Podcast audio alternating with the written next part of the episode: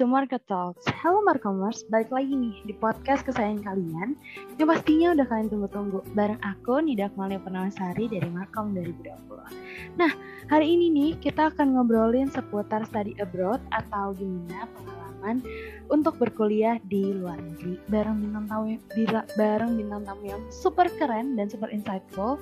Beliau ini juga ketua bidang studi dari Advertising and Marketing Communication Please welcome Bu Eka Perwitasari Fauzi Asas MEB. Halo Bu Eka. Halo Nida dan semua Markomers. Gimana kabarnya? Sehat-sehat ya? Alhamdulillah Ibu sehat. Gimana nih kabar Ibu sendiri? Uh, habis panik. panik nggak bisa join Discord. Akhirnya kita beralih ke Zoom ya. Iya. Mudah-mudahan lancar ya, mudah-mudahan lancar ya. Amin, amin. Nah, jadi Bu Eka ini um, mempunyai pengalaman yang inspiratif nih bagi teman-teman mahasiswa lainnya yaitu bisa berkuliah di luar negeri. Nah sebelum kita membahas lebih dalam lagi, boleh dong Bu Eka ceritain um, di mana Bu Eka melanjutkan studi dan apa sih Bu alasan memilih universitas tersebut? Oke lanjut studi ya. Sebenarnya kalau ditarik uh, apa asal mulanya jadi emang dari dulu gitu ya dari kecil itu kan saya emang suka suka dengan budaya ya dengan uh, punya impian gini. Pengen banget suatu hari itu keliling dunia gitu buat ketemu sama orang-orang gitu untuk untuk apa kenal dengan orang-orang di luar uh, di luar negeri gitu di luar Indonesia gitu. Jadi uh, dari kecil itu udah berpikir uh, apa ya nanti kalau udah gede itu mau mau keliling dunia dengan cara apa gitu mikirnya. Terus dulu uh, biasalah kalau anak anak-anak itu kan pramugari karena apa? Cara tercepat untuk bisa keliling dunia dan jadi pramugari. Kemudian ketika uh, beranjak dewasa mikir adalah oh jadi wartawan aja jurnalis gitu. Karena uh, jurnalis itu punya kesempatan untuk misalkan ditugaskan ke luar negeri gitu ya untuk untuk uh, tugas gitu. Ternyata uh, dengan dengan impian untuk tadi pramugari nggak mungkin dulu, pernah pernah nekat tapi akhirnya nggak nggak jadi. Kemudian yang kedua yang paling bisa dijalani waktu itu adalah jadi wartawan. Tapi sayangnya ketika bekerja jadi wartawan pun tidak membawa saya untuk bisa keliling dunia gitu. Akhirnya waktu itu impian yang paling mungkin walaupun walaupun berpikirnya antara mungkin nggak ya mungkin nggak mungkin gitu. Adalah dengan uh, kuliah gitu dengan meneruskan kuliah. Uh, di samping juga saya punya role model di keluarga gitu ya. Uh, beliau bisa uh, sekolah tapi dengan one way ticket. Artinya ya beliau sampai sekarang pun nggak uh, pulang gitu. Artinya tetap menetap di negara tersebut. Nah dari beliau lah saya kemudian mikir saya mau seperti itu gitu akhirnya uh, mulai dari S1 itu saya uh, juga ketemu dengan teman yang punya visi yang sama gitu ya. Pokoknya kita harus bisa uh, lanjut uh, sekolah di luar negeri. Dan karena saya juga bukan dari keluarga yang mampu ya, jadi waktu itu mikirnya gimana caranya bisa sekolah entah itu uh, S2 kah atau gimana caranya pokoknya uh, sekolah ke luar negeri tanpa harus ngeluarin biaya jadi mulai rajin uh, searching-searching ya beasiswa, kemudian negara-negara impiannya itu apa aja gitu ya. Dan uh, karena dulu saya suka Jepang ya, jadi dari dulu dari zaman saya SMP, SMA, kuliah itu berpikir wah saya mau kuliah di Jepang gitu. Saya belajar bahasanya, kemudian coba lihat lihat-lihat beasiswanya, saya saya uh, apa ikut tes uh, apa kecakapan bahasa Jepangnya walaupun masih level dasar waktu itu sempat juga akhirnya nekat uh, apply ya ada apa Mombusho itu. Dua kali saya apply dua-duanya ditolak gitu ya. Tapi kemudian uh, saya pikir ah ya sudahlah gitu. Oh, Jepang Inggris gitu ya saya coba. Semuanya nggak nggak nggak berhasil gitu tapi kemudian akhirnya saya pikir oh ya deh saya saya kerja aja deh. Saya fokus kerja ketemu juga dengan teman yang sama-sama visinya sama gitu ya. Ayo kita kuliah lagi kak katanya.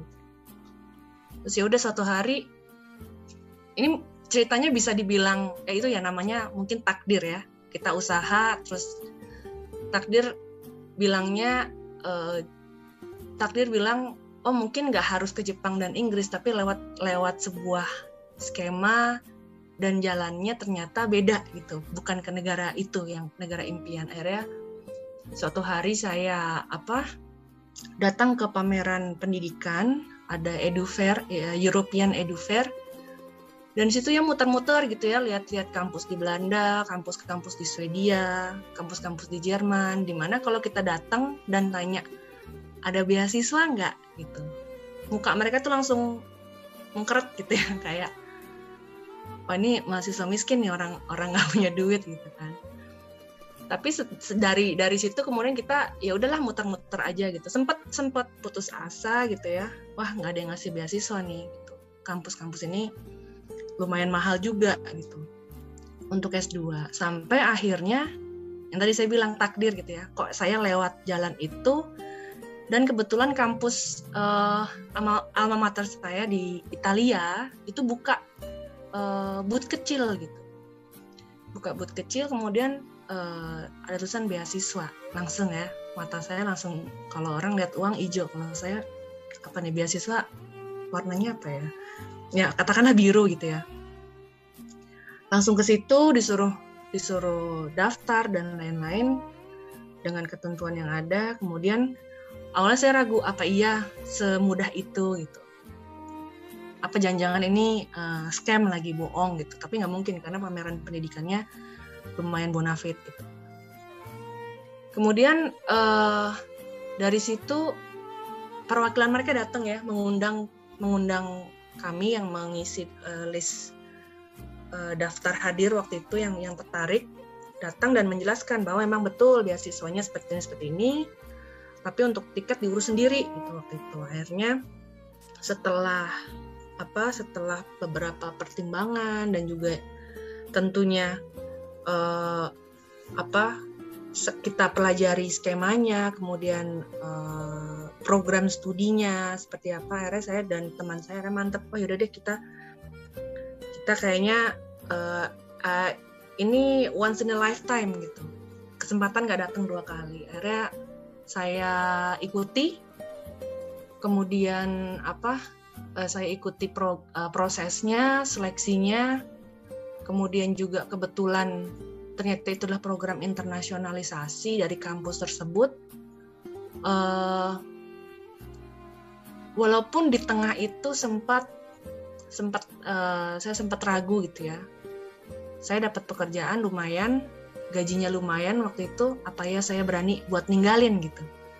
Padahal belum tentu keterima loh, saya mikir gitu waktu itu akhirnya uh, karena untuk mengurus dokumen ini kan perlu waktu ya tenaga yeah. juga saya mm-hmm. saya harus uh, izin dari kam uh, izin dari kantor gitu ya kadang kalau saya pas lagi liputan di luar saya sempetin mampir gitu ya buat ngurus ngurus uh, legalisir dan lain-lain gitu karena untuk ngurus uh, apa kuliah di luar itu emang lumayan menyita waktu harus uh, legalisir kedutaan besar mereka, legalisir apa pemerintah juga, kedikti juga gitu ya. Itu juga bikin saya sempat saya mandek di tengah. Saya bilang saya kayaknya nggak lanjut deh daripada saya udah buang-buang waktu, buang uang juga karena harus bayar juga uh, legalisir itu.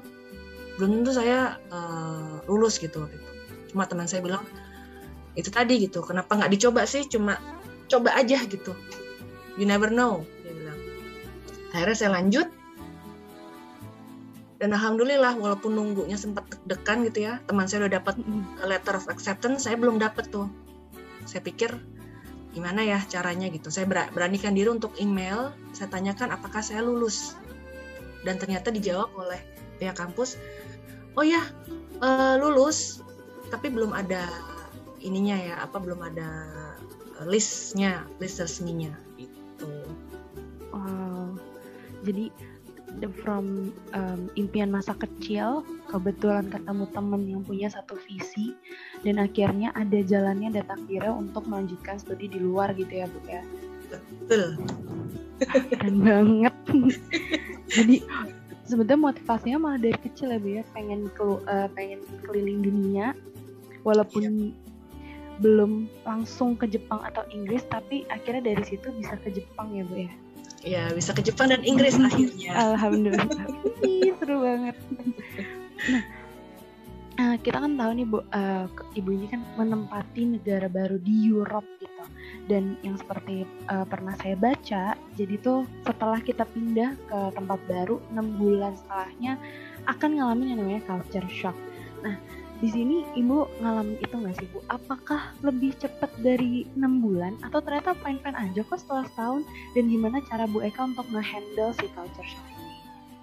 Nah, sebagai pengajar komunikasi antar budaya yang ternyata ternyata terbukti gitu ya terbukti bahwa kalau teorinya kan ada teori culture yeah. shock gitu ya ada empat fase jadi kalau waktu saya belum ngajar KAB saya hanya menjalani ya saya nggak nggak mm. tahu fasenya itu se sedetil itu ternyata gitu tapi ketika saya sudah mengajar uh, komunikasi antar budaya ketika saya menjelaskan jadi lebih jadi lebih real karena memang fase-fase itu memang tergambarkan secara real ketika saya uh, apa pindah pertama kali gitu. Ketika kalau misalkan di dari dari segi apa culture shock kan yang pertama kita selalu ada euforia ya. Wah, pindah nih negara baru kayak apa ya, iya, excited ya, semangat gitu ya. Gitu ya. Pokoknya semua itu yang semua yang terlihat itu di, di, di, dilihat tuh hal yang indah gitu. Kucing aja beda gitu ya. Oh, kucing Itali nih gitu. Terus kembang aja beda gitu ya. Padahal biasa makan spaghetti di Pizza Hut juga. Wah pokoknya nih pizza uh, spaghetti Itali gitu. Semuanya terlihat indah gitu. Sampai ketika kemudian pokoknya di awal-awal itu masih ketemu teman-teman yang uh, apa uh, teman-teman asing juga. Masih senang-senang tuh belum masuk ke kelas. Ketika masuk ke kelas pengalaman yang benar-benar shocking buat saya adalah ketika uh, masuk kelas saya duduk di row paling depan ya di bangku paling depan dengan harapan akan ternotis oleh dosennya sehingga dosennya notis nih ada mahasiswa asing. Jadi uh, harus bisa akomodir gitu kan tapi ternyata nggak ketika saya duduk paling depan dengan teman saya saya sendiri terutama saya sendiri yang pakai hijab ya. Uh, beliau tetap pakai bahasa Italia aja gitu. Nerangin bla bla sampai hampir 2-3 jam gitu. Saya cuma bengong gitu. Tadi ngomong apa dia gitu kan.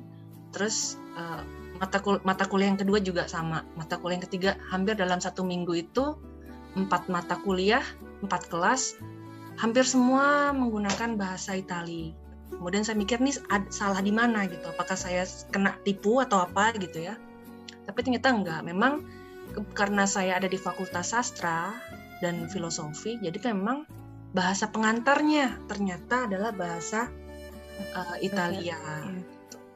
Di mana saya saya nggak ambil itu ketika di Jakarta gitu karena kita berangkat dan nggak oh, iya. ada waktu gitu. Tapi Belum kampus tetap uh, tapi kampus tetap menyediakan uh, les bahasa gitu jadi berbarengan. Dari jadi, situ uh, Oh lanjut ya. Oh ya, dari situ dari situ uh, tiga bulan uh, Nida tiga bulan itu hmm. merasakan fase yang kedua di mana sudah mulai down ya mulai stres kemudian teman-teman bukan hanya uh, bukan hanya faktor bahasa tapi juga teman-teman di kelas itu ya melihat saya seperti alien gitu karena cuma saya dan mungkin itu adalah kali pertama mereka uh, kontak dengan orang Muslim gitu ya di mana waktu itu juga uh, sentimen Muslim juga, walaupun nggak pernah ada kasus rasisme di Italia, tapi tetap mereka melihat saya itu dengan tatapan yang berbeda. Hmm. Kalau teman saya memang nggak pakai hijab, yeah. jadi nggak masalah gitu. Nggak kelihatan gitu ya bu. Mm -mm. Jadi lumayan. Terus uh, saya juga tinggal serumah dengan uh, kebetulan satu satu kamar dengan teman kantor saya jadi kadang saya merasa dia itu zona nyaman saya gitu tapi lama-lama rupanya dia gerah gitu dia bilang Eka lu kalau uh, nanti tugas kelompok dia bilang jangan sekelompok sama gue ya dia bilang gitu saya, saya, shock tuh kenapa saya bilang gitu nanti bahasa Italia gue nggak berkembang dia bilang terus saya mikir hmm. oh iya bener juga gitu karena kalau kita sama-sama orang Indonesia kita akan cenderung pakai bahasa yang sama gitu. Iya. dan itu nggak akan menolong kita untuk survive di masyarakat mereka gitu Iya betul. Akhirnya tetap di Indo-Indo aja gitu ya bu ya. betul Gak eager diri sendiri untuk oke gue bisa nih untuk gaul sama mereka gitu. Betul Kalau dari eh, cerita ibu tadi itu kan emang nggak ada determinasi nih bu. Nah tapi kalau dari teman-teman sendiri nih yang akhirnya nih ibu eh, sekelompok sama orang Italia langsung, ibu merasakan ignorance dari mereka nggak sih? Atau kayak, ih lo orang beda, ih gue nggak mau ngobrol banget gitu. ya jadi setelah tiga bulan itu lagi-lagi takdir ya. Iya. kalau saya bilang ini takdir Entah kenapa saya selama hampir tiga tahun di Italia itu selalu selalu aja pertolongan dari yang maha kuasa gitu selalu selalu nolong saya. Jadi eh, dipertemukan dengan tem- satu teman yang akhirnya jadi sahabat saya dan dia yang ngajarin saya bahasa Itali dengan cara yang unik gitu. Karena satu eh, dia nggak bisa bahasa Inggris saya nggak bisa bahasa Itali. Jadi gimana tuh komunikasinya Komunikasinya. Tapi ternyata dengan kesungguhan hati ya karena saya mikir orang orangnya baik gitu. Iya. dan benar-benar dia mau ngajarin akhirnya saya saya tergerak untuk belajar sendiri. Memang saya harus bisa gitu walaupun tadi saya pikir saya nggak bisa nih. Tapi ternyata eh, memori saya tuh manggil gitu. Di kepala saya tuh manggil ayo kak kan dulu pernah belajar bahasa Jepang pernah sempet juga belajar bahasa Perancis gitu. Artinya saya ini orang yang suka bahasa gitu ketika harus belajar bahasa Itali nambah satu slot bahasa lagi masa sih nggak bisa gitu? Saya waktu itu berpikir kayak gitu. Akhirnya yang terjadi adalah saya belajar otodidak ngobrol sama sahabat saya ini dengan bahasa yang sebenarnya se- saya lumayan paham patternnya gitu. Saya lu- lumayan paham patternnya tinggal mengasah vokabulari akhirnya ternyata saya pede ternyata itu kuncinya gitu. Kuncinya adalah saya pede saya mulai bisa ngoreksi perkataan saya sendiri gitu dan teman saya bilang oh bagus kalau udah bisa tahu salahnya di mana dan ngoreksi sendiri tandanya udah sebenarnya udah udah lumayan bisa. Dan ternyata setelah saya mampu saya pede berbahasa Itali dan saya dengan pede menyapa teman-teman di, di kelas mereka akhirnya mulai bisa senyum mulai mau mulai ngajak ngomong ngobrol gitu ya. Bahkan eh, kebetulan saya satu kelompok dengan eh, orang-orang yang lumayan nggak nggak nggak apa ya lumayan sabar lah gitu. Sampai akhirnya eh, saya bisa marah sama orang Italia itu pakai bahasa Italia itu level paling tinggi gitu. Karena ternyata marah-marah pakai bahasa lain tuh luar biasa capek gitu. Nah itulah saya pikir situ saya bisa lihat bahwa mereka oh mereka bisa lihat bahwa yang namanya Eka ini nggak cuma diem dan eh, ya di apain aja bakal terima gitu Iya. walaupun orang bilang katanya orang Indonesia tuh sangat nerimo gitu ya Mm-mm. orang Indonesia tuh senyum aja nerimo segala macam ternyata mereka kaget juga oh, ternyata yang namanya Eka bisa marah dan saya bisa bikin mereka paham gitu apa maksud saya Iya. gitu sih Berarti kunci bener ya Bu bahwa apa pun itu kuncinya adalah komunikasi. Dari komunikasi Betul. ini terbentuklah nih hubungan-hubungan akhirnya mulai menyapa, mulai ngobrol, akhirnya bisa Betul. bekerja sama bareng. Ini penting banget Betul, anak betul, markomers. Komunikasi itu nggak cuman sekedar oh iya ngobrol sana sini, tapi gimana teknik-teknik kita biar eh, bisa approach orang yang mempunyai beda budaya dari kita. betul Oke, nah next question, eh, next question nih Bu. Nah eh, dari ibu pengalaman ibu kuliah di Italia, Ih, negaranya Vincenzo, ibu nonton drama Vincenzo? Vincenzo iya iya iya Hmm. jadi kalau lihat nonton Vincenzo saya terkenang kata-katanya banget loh dramanya. Nah mm, dari pengalaman ibu nih di, gua- di, eh, di luar negeri, khususnya di Italia nih Bu, ada nggak sih yang menurut ibu cara bersosialisasi di sana nih yang ih menarik banget deh, pengen deh coba aplikasi di Indonesia gitu. Ada nggak sih Bu kayak gitu Bu? Nah, eh, seperti halnya di Eropa ya, mereka sudah pasti untuk anak muda salah satu tempat untuk bersosialisasi sosialisasi adalah Ya. eh, pesta gitu ya. Tapi saya nggak pernah ikut. Saya nggak pernah ikut, tapi saya perhatikan karena saya saya perhatikan eh, di tempat tinggal saya ya. Jadi eh, ketika karena saya tinggal di, di sebuah komplek lumayan besar ya, jadi bukan apartemen yang hmm. gedung tinggi. Yeah. Kami itu tinggal di semacam kayak per, per bukan perumahan, tapi uh, disebut sebagai pusat uh, internasional gitu, international yeah. center lah, uh, residence internasional gitu. Di situ ada satu tempat namanya uh, kantin ya, kantin tapi bukan kayak kantin di di kampus kita ya, kantinnya benar-benar mm -hmm. tempat makan Yeah. Dan saya saya uh, sampai sekarang pun saya berpikir bahwa cara orang Italia itu untuk bersosialisasi adalah dengan makanan.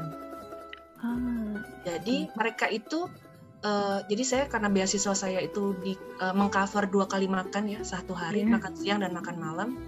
Jadi saya berpikir kalau di kelas oke lah saya uh, mungkin teman-teman sekelas kurang bisa berinteraksi. Tapi saya biasa berinteraksi dengan teman-teman internasional di mana mereka itu ya seperti negara Eropa lainnya mereka bilang bahwa karena kamu di Italia maka kamu harus bisa bahasa Italia. Jadi hmm. semua teman-teman mau itu orang Arab, mau itu orang orang dari China, mau dari hmm. Jepang bahkan dari Afrika bahkan hmm. itu mereka semua pakai bahasa Italia. Jadi saya kalau paling senang itu pas jam makan siang sama makan malam karena ketemu dengan mereka dan ngobrol ngobrolin apa aja gitu ya kadang pakai bahasa Inggris kemudian saya perhatikan itu gitu cara cara kita berinteraksi sosialisasi mereka itu suka karena Italia itu terkenal dengan makanannya dan mereka bangga gitu. mereka selalu bilang makanan Italia itu kan terkenal di dunia bahwa mereka uh, makanan makanan mereka itu enak padahal kan rendang paling enak ya katanya ya yeah. jadi saya perhatikan itu dari dari saya di kantin ketika makan sosialisasi kemudian ketika saya diundang makan dengan uh, keluarga teman Itali itu mereka itu makan bisa sampai tiga jam. Oh wow. Tiga jam itu mm -mm. makan ngobrol makan ngobrol gitu ya. Itu oh, iya. betul-betul tiga jam. Sama seperti ketika uh, cara saya untuk bisa bersosialisasi dengan teman-teman internasional yang lain dan juga orang Italia waktu itu, saya undang mereka untuk ke rumah untuk makan. Ternyata itu ampuh gitu itu ampuh oh. jadi pakai makanan beda cara sosialisasinya. Tapi saya juga pernah baca bu um, bahwa makanya kenapa orang saat meeting atau ingin tanda tangan kontrak itu mereka pakai mediasinya juga dengan cara makan karena ternyata orang yang perutnya udah terisi itu lebih apa ya lebih uh, willingnessnya lebih tinggi untuk akhirnya ngeiyain gitu Hmm. Saya pernah baca itu. Mungkin itu awal mulai dari uh, bersosialisasi di, di Itali mungkin ya. betul betul. Tapi hmm. uh, budaya mereka itu memang memang unik ya. Jadi yeah. di Italia, karena saya di selatan, jadi masih hmm. praktek yang namanya uh, apa istirahat itu empat jam itu masih masih masih dipraktekkan oleh mereka. Jadi ada ada hmm. istilah sebentar saya saya lupa nih ada istilah hmm. di mana bahkan kalau di kelas kelas itu kalau kuliah selesai jam 12 ya. Selesai jam jam 12 eh, nanti perkuliahan berikutnya itu jam jam sekitar jam 3 atau jam 4 oh jadi mereka emang tipe yang meluangkan waktu untuk si makan ini ya bu ya? Iya dan dan apa mereka itu eh, apa istilahnya uh, buat mereka makan itu sebuah aktivitas yang secret gitu. Artinya apa? Walau dan dan ini bukan hanya di kampus ya. Bahkan di bank, bank itu tutup jam 12, mereka buka lagi jam 4 sore. Kemudian uh, supermarket, supermarket supermarket itu tutup jam 12, buka lagi jam 4 sore. Jadi uh, mereka betul-betul meluangkan waktu istirahat 4 jam itu ada sebagian yang pulang ke rumah betul-betul pulang ke rumah setiap hari untuk makan duduk bareng-bareng keluarga mereka gitu. Jadi itu juga suatu hal yang buat mereka ya bahwa makanan itu adalah hal yang sangat uh, penting gitu. Ya. dan punya tempat di hati mereka sendiri ya. Jadi emang mereka membuat waktu untuk luang gitu nggak emang ah lagi luang tapi membuat waktunya untuk luang gitu ya bu betul betul betul oke okay. uh, eh, next nih bu ada pertanyaan penasaran nih Bu, cara belajar Bu Eka sendiri itu seperti apa sih Bu? Tipe yang kayak wah amis banget nih setiap catatan, oh nyatat detail banget atau ya santai gitu? Nah, kalau jam uh, cara belajar saya agak agak uh, unik ya. kalau dengan teman kalau teman-teman yang hmm. lain mungkin biasa mereka uh, apa belajar biasa gitu ya. Yeah. Uh, kalau saya karena saya punya keterbatasan bahasa waktu itu, hmm. jadi setiap saya saya gimana caranya saya harus paham materi itu. Jadi waktu itu kekurangannya adalah oke okay, kita kekurangan uh, kita terbatas untuk berkomunikasi, tapi bukan berarti kita nggak bisa paham materi gitu. Akhirnya dengan cara saya saya punya uh, handphone waktu itu, saya tetap datang masuk kelas, duduk paling depan, uh, kemudian saya record uh, dosennya ah. dosennya ngomong apa di record kemudian saya dengerin di rumah hmm. kalau menurut saya itu cara saya untuk belajar mempelajari materi kuliah sekaligus saya belajar untuk listening gitu dia hmm. ngomong apa sih gitu misalkan saya ambil keywordsnya ya misalkan si dosennya bilang uh, tentang suatu istilah psikologi misalkan waktu itu atau tentang sosiologi mata kuliah itu kan general ya. Saya yakin di negara-negara berbahasa Inggris juga pasti ada. Dan akhirnya betul ketika dia sebut satu ahli, saya tulis, saya search di apa internet, kemudian bicara apa saja ahli itu, kira-kira apa saja materinya. Akhirnya saya saya bikin summary sendiri gitu. Oh, tadi dia bicara tentang si Vygotsky misal misalnya tentang teori uh, learning gitu kan. Oh, akhirnya saya baca, kemudian uh, saya tulis summary-nya gitu dalam bahasa Inggris. Kemudian saya cocokkan lagi dia ngomong apa gitu. Saya tulis kata-kata yang mungkin uh, saya nggak paham gitu. Saya cari. Begitu saya dapat uh, katanya dalam bahasa Inggris, langsung saya cari itu source-nya di Google. Gitu aja gitu. Akhirnya akhirnya uh, dengan sendirinya saya jadi paham maksudnya apa saya juga belajar belajar istilah-istilah karena kan kalau bahasa bahasa pergaulan sehari-hari dengan akademis kan beda. Misalkan uh, istilah tugas itu apa bahasa Italia. Yeah. Itu kan penting ya. Kita nggak mm. mungkin bilang tugas itu ya macam-macam katanya, tapi ternyata yeah. untuk kelas ada sendiri. Ada juga eh, caranya adalah dengan belajar kelompok waktu itu. Jadi bikin kelompok dengan orang-orang asing juga satu buku kita bagi-bagi chapternya kemudian didiskusikan uh, bareng-bareng gitu. Berarti uh, dari kesulitan berbahasa itu akhirnya ibu cari find out gimana sih uh, untuk bisa tetap memahami tapi uh, lebih simpelnya gitu ya bu yang iya, menyesuaikan iya, diri sendiri gitu. Betul okay. betul betul. Mm-mm. Nah untuk next nih bu. Uh, kegiatan ibu ada nggak sih kegiatan atau hobi untuk balance uh, kegiatan perkuliahan ibu?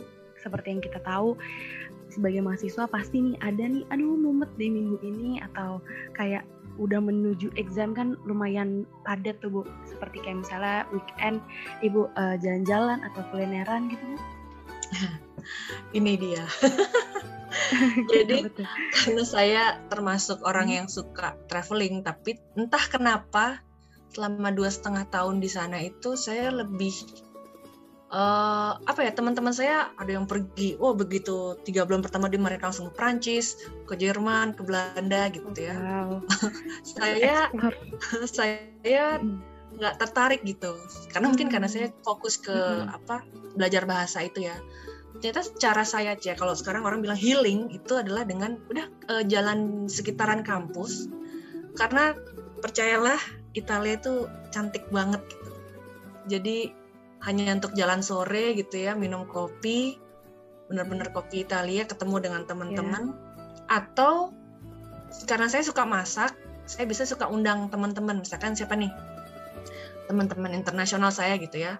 Yuk datang ke rumah gitu kita potluck gitu ya saya buat saya bisa buat telur balado gitu mereka nanti bawa lagi uh, untuk dessert mereka bawa uh, makanan khas uh, apa ya, negara mereka gitu oh. nanti apalagi atau uh, kadang suka ada trip dari beberapa organisasi di kampus itu suka uh, mengadakan uh, semacam uh, trip satu hari gitu ya misalkan pergi ke, ke kota yang dekat. Dan tadi saya bilang karena Italia itu negaranya cantik. sangat cantik itu dan saya kebetulan karena saya itu di desa yeah. di desa gitu ya. Jadi jadi uh, untuk datang ke untuk ke desa sebelah aja itu udah sangat uh, apa ya menghibur lah gitu. Karena memang pemandangannya hanya gunung gunung pantai gunung pantai gitu. Jadi memang keren banget. Jadi memang tripnya nggak harus pergi ke negara yang jauh-jauh gitu walaupun uh, apa itu harus diagendakan jauh-jauh hari gitu karena ujian dan lain-lain tapi hmm. salah satu healingnya adalah tadi ya makanan Italia itu enak dan pemandangannya hmm. enak jadi hmm. murah tapi menghibur menghibur nah uh, selain pemandangan yang udah indah banget dan makanannya enak-enak apalagi sih bu yang paling ibu suka dari negara Italia ini orang-orangnya ah orang-orangnya okay. orang-orangnya jadi uh, saya bilang sama teman saya karena kita di selatan saya bilang kita itu di selatan uh, persis seperti yang mereka promosikan di awal ketika kita mau datang eh kita ketika kita baru datang disambut ya sama international office mereka bilang uh, di selatan itu kita punya mountain, kita punya gunung, kita punya salju, tapi kita juga punya uh, pantai dan sole. Sole itu matahari. Jadi Italia Selatan itu nah Italian Italia paling Italia uh, Afrika bagian utara mereka bilang karena saking dekatnya sama benua Afrika. Uh, saljunya memang turun tapi hanya setahun sekali dan itu hanya sehari. Jadi betul-betul buat orang Indonesia itu Eh, nggak uh, merasa jauh dari Indonesia gitu karena yeah. satu orang-orangnya pun ramah kayak orang Indonesia mm, gitu. Mm, mm. Kalau lihat kita sendiri di jalan, yeah. mereka itu akan nanya kenapa nyasar atau apa gitu ya. Saya pun juga dulu pernah ketika mau mau pergi uh, traveling harus ngejar kereta jam uh, eh, 5, jam 6 yeah. gitu ya. Mm -hmm. Dan di kampus itu nggak ada bus sepagi itu, jadi harus jalan ke stasiun. Itu uh, ada hmm. uh, mobil yang berhenti itu awalnya kita juga takut ya karena kita iya. saya cewek tapi ternyata nggak betul-betul hmm. orang baik yang Membantu, saya juga mau ke gitu. stasiun gitu. gitu ayo saya bareng saya aja gitu itu benar-benar hmm. wow satu hal yang saya selalu suka dari Italia gitu orang-orangnya baik-baik banget wow keren banget nah uh, ini udah apa namanya udah udah agak melenceng dari Italia Italia Nah, di sini kalau dari pandangan mereka sendiri nih, Bu, keuntungan jadi mahasiswa internasional tuh apa sih, Bu? Wah, banyak ya. Banyak ya, Bu. You have, you have to. Walaupun cuma di Malaysia gitu ya, yeah. cuma. Tapi paling enggak uh -uh. uh, kalian harus bisa explore negara di luar mm -mm. negara sendiri gitu. Iya. Yeah. Karena kebetulan saya di negara yang jauh banget gitu ya. Yeah. Itu dapat dapat banyak banget pan, sudut pandang yang kalau saya di Jakarta saya nggak akan dapat sudut pandang itu terutama misalkan saya nggak akan pernah bertanya apa arti gerakan sholat? gitu. Kalau saya di Jakarta karena nggak ada yang nanya. Ya. karena kita ikut aja gitu. Oh gerakan sholat ya gitu aja. Atau di Jakarta nggak akan ada yang nanya hmm. kenapa sih kak pakai jilbab? Iya. Atau di, atau di Jakarta kalau saya di Jakarta aja di Indonesia aja nggak akan ada yang nanya eh kan kalau mandi emang pakai jilbab juga? gitu. itu pertanyaan yang mungkin lucu tapi buat saya prinsip gitu. Ternyata uh, kalau saya tanya ke diri saya sendiri kenapa? Ternyata selama ini saya hanya ikut aja karena saya mayoritas di negara saya gitu. Ketika saya ada di negara orang saya jadi minoritas gitu. Dan dan posisi saya bukan hanya sebagai orang Indonesia tapi saya juga di saya ini cerminan dari uh, image Muslim. Iya. Bagaimana kalau mereka salah mengenal atau saya ternyata nggak bisa mem me membuka diri gitu, maka mereka beranggapan iya. ya memang Muslim ya seperti itu, teroris kali mm dia. Gitu. Iya. Itu hal-hal prinsip tapi ternyata penting gitu. Itu hal yang selain tadi ya kalau jadi ma mahasiswa internasional sudah pasti dapat dapat teman banyak yeah. sudah pasti tapi sudut pandang yang, yang seperti itu yang kalau kita melihat ke diri kita tuh mungkin kalau kita nggak keluar Indonesia mm -hmm. kita nggak akan ditanya kan, karena itu sudah sudah jadi bagian sehari-hari gitu. Iya. Malah dari keluar zona nyaman di Indonesia malah jadi lebih memperdalam budaya Indonesia lebih memperdalam misalnya sebagai seorang muslim malah hmm. jadi seorang representatif negara malah ya ya dan membantu Betul. promosi negara bahkan hmm. bahkan ketika saya jadi visiting teacher English teacher hmm. di satu sekolah eh, di SMP lah kita bilang SMP hmm. saya berpikir gimana cara saya mengenalkan negara saya ya ada yeah. saya waktu itu uh, bilang sama di depan anak-anak itu, saya bilang coba tunjuk, saya buka peta dunia di Google mm -hmm. itu, saya bilang coba tunjuk negara saya ada di mana. Yeah. Ada yang nunjuk di Rusia, ada yang nunjuk di Cekoslowakia, ada yang nunjuk di Afrika gitu kan. Kemudian saya kasih tunjuk negara saya ini loh dari ujung saya tunjuk Sumatera paling utara sampai Papua waktu itu saya bilang. Dan mereka semua kaget.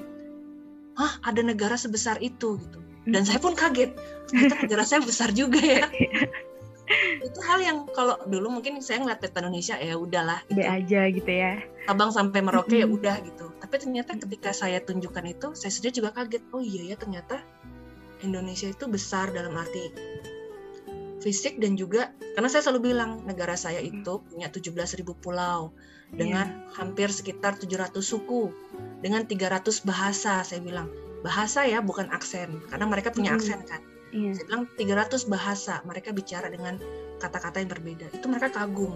Kemudian saya juga baru sadar gila keren juga Indonesia iya.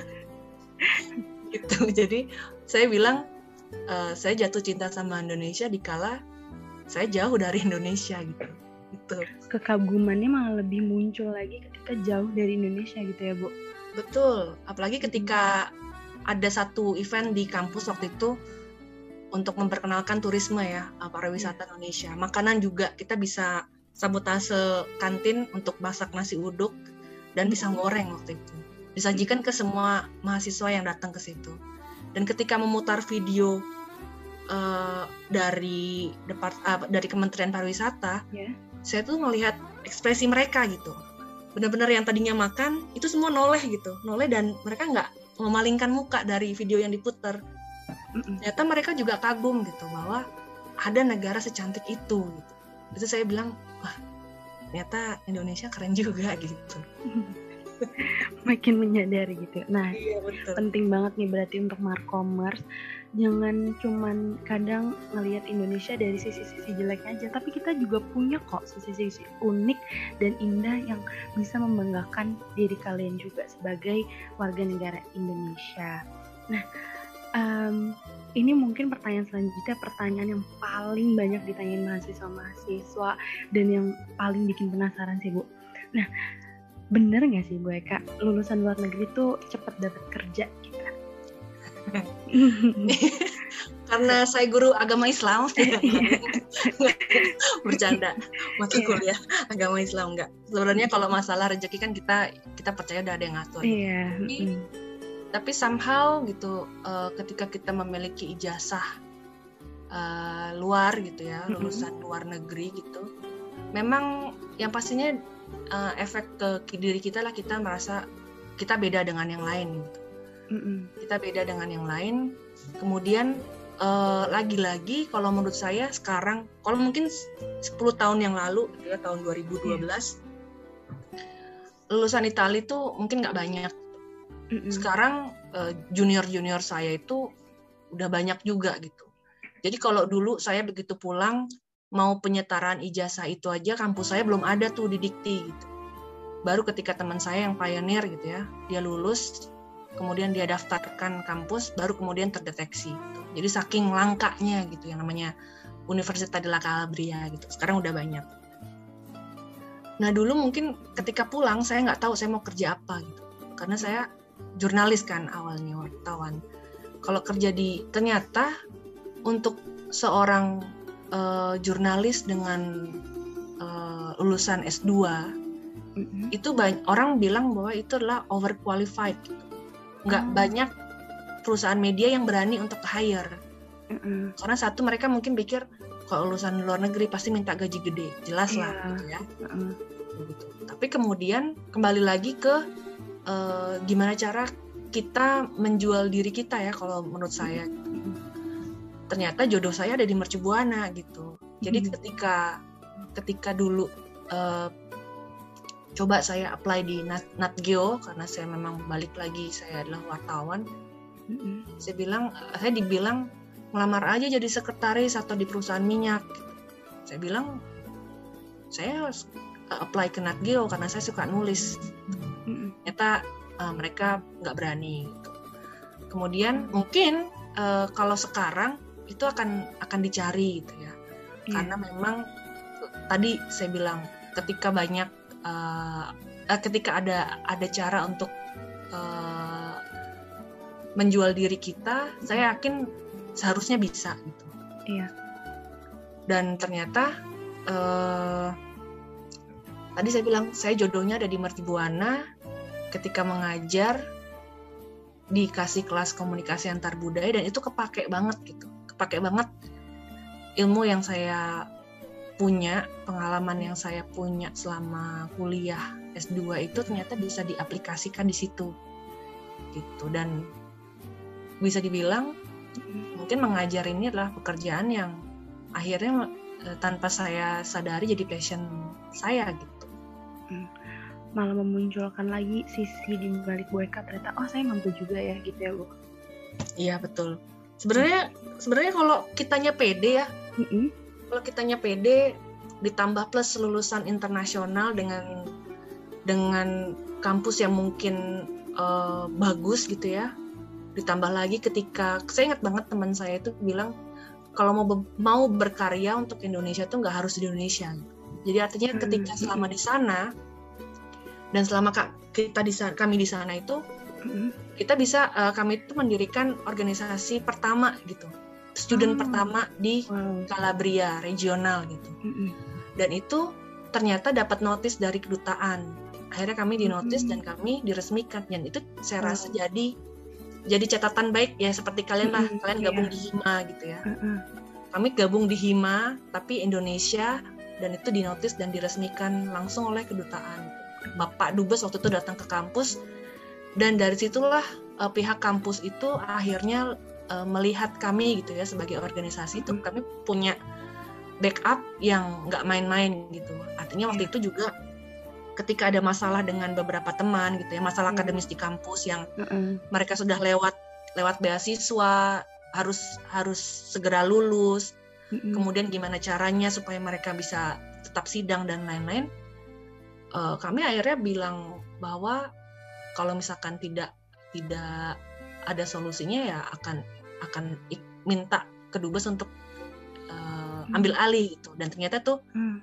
lumayan dianggap gitu jadi kami punya uh, apa ya istilahnya power lah gitu di hmm. kampus hmm. waktu itu jadi saya rasa itu juga bisa jadi modal juga ya. Jadi sebenarnya gini sama seperti kalian di Hima gitu. Ketika kalian punya catatan sebagai ormawa hmm. akan punya nilai plus kan? Iya sama gitu ketika kami juga punya nilai plus ya itu jadi portfolio tambahan lah di CV gitu. Hmm. kalau berarti saya tarik dari cerita Bu Eka tadi tentang kepercayaan diri plus lulusan internasional.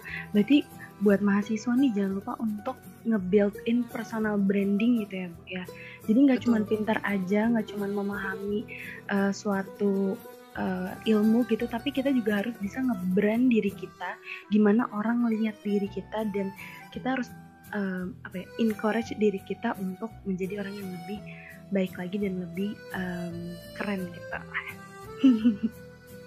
Okay. Uh, artinya di mau hmm. maupun mau kuliah di mana pun yeah. aktif berorganisasi, aktif dalam jadi jangan cuma kuliah masuk kelas, mm -hmm. kelar pulang makan ujian mm -hmm. itu itu enggak ternyata itu ya itu akan jadi hal yang biasa standar gitu yeah. nggak nggak akan dilihat oleh perusahaan gitu istilahnya mm. kalau ada yang uh, menonjol kan orang akan tahu oh mm. oh pernah kuliah di luar negeri ngapain aja mm. di sana pasti akan tanya itu mm Tuh. jadi untuk para mahasiswa-mahasiswa markomers gak cuman gaul aja gak cuman nongkrong sana sini cuman nongkrongnya kalau bisa memperbanyak value diri kita gitu ya bu ya Iya, berkarya intinya lah Ah, berkarya, iya, berkarya, betul. Berkarya. Mm-mm. Oke, nah di pertanyaan terakhir nih Bu, pindah ke karir. Ya. Gimana sih Bu perjalanan karir Bu Eka sampai menjadi seorang ketua bidang advertising and marketing communication? Berarti selama saya di mercu aja ya. Iya, boleh. Ya tadi seperti saya bilang ya, eh, di awal eh, mengajar itu saya nggak pernah terpikir. Selama Mhm. saya hidup dari kecil mengajar itu nggak pernah terpikir. Jadi seorang pengajar itu saya nggak pernah berpikir Terbersit gitu ya. Iya. Kemudian ketika saya masuk ke Mercu Buana, tentunya diawali sebagai dosen. Saya ngajar, ngajar, ngajar. Kemudian di tahun 2020 awal itu saya dipercaya jadi kepala lab di lab multimedia Vicom. Sampai akhirnya di 2021 eh, saya dengan Pak Tio ya eh, di diminta untuk mengawal bidang studi periklanan dan marketing komunikasi. Jadi bukan eh, bukan tipe karir yang eh, mungkin orang akan melihat wah keren ya. Tapi buat saya saya juga belajar banyak hal gitu karena markom adalah hal yang baru buat saya dan diminta untuk cepat beradaptasi. Iya. Ini kun- ini kuncinya di mana pun gitu ya di mana pun Mm. kita akan ditempatkan kuncinya adalah adaptasi baik itu di pekerjaan baik itu di kehidupan real gitu ya menurut saya gitu. Iya. karena kalau tidak cepat membaca kemudian tidak cepat beradaptasi Mm-mm. kita akan ketinggalan gitu artinya kalau orang eh, kita udah jalan kaki gitu ya tapi ada yang nawarin eh naik mobil gitu karena kalau naik mobil lebih cepat sampai sampai tujuan gitu Iya. kalau mau cepat ya ikut naik mobil gitu. Karena Mm-mm. mungkin orang terbiasa saya biasa jalan kok gitu. Tapi ini ada ada teknologi misalnya naik mobil gitu. Mm-mm. nah, emang harus bisa beradaptasi gitu, untuk naik kendaraan supaya cep- cepat sampai ke tempat tujuan gitu. Dan saya rasa ya itu gitu, adaptasi Vcom dengan eh, pace kerjanya yang cepat gitu ya. Karena dinamis Iya. dan orang-orang komunikasi itu kan dinamis ya dia- apa dinamik gitu selalu selalu bergerak selalu selalu cepat gitu nah itu juga perlu tingkat adaptasi yang cepat juga mungkin kalian juga merasakan Iya. gimana kita memang harus adaptasi nih Mm-mm. bahwa dalam dua tahun dua tahun belakangan ini kan kita juga cepat beradaptasi dengan Iya. situasi pandemi seperti Mm-mm. ini gitu kan seperti Boleh. itu jadi emang kuncinya adalah eh, adaptasi karena katanya eh, manusia yang kuat itu bukan yang kuat secara fisik ya Iya. Kan kalau Julio kan nge-gym nih tapi ternyata manusia yang yang kuat itulah manusia yang bisa cepat dia bisa beradaptasi dengan perubahan supaya dia tidak terbias gitu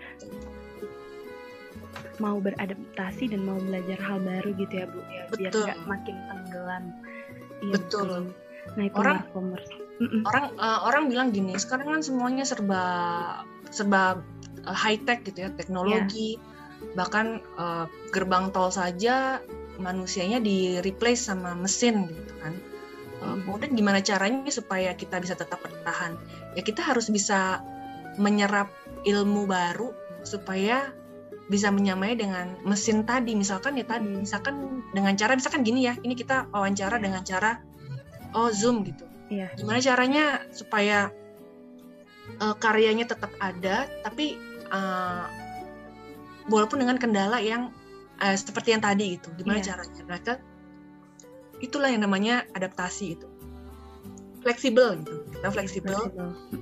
Kalau itu selama itu bisa dilakukan dan tidak menyalahi aturan kenapa tidak dilakukan gitu, gitu. adaptasi ya adaptasi fleksibel tapi tidak eh, kehilangan eh, nilai diri atau jati diri gitu ya bu karena bagi mahasiswa zaman sekarang kan lihat eh, sesuatu yang apa namanya eh, lagi booming akhirnya ngikutin Hmm, ngikut cuman tetap punya eh, prinsip hidup gitu ya bu ya atau kayak nilai Betul. dirinya itu seperti apa betul, Wah. betul.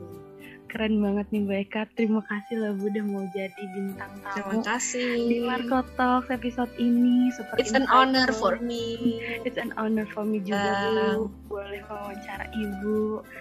udah mau meluangkan waktunya. Wow, keren banget nih. Sama-sama.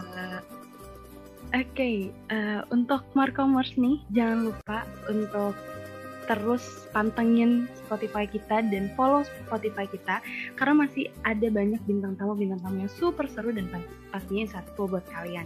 Dan jangan lupa juga untuk follow-follow um, sosmed Hima Pariwara. Oke, sekian dari aku. Sampai jumpa di next episode. Bye.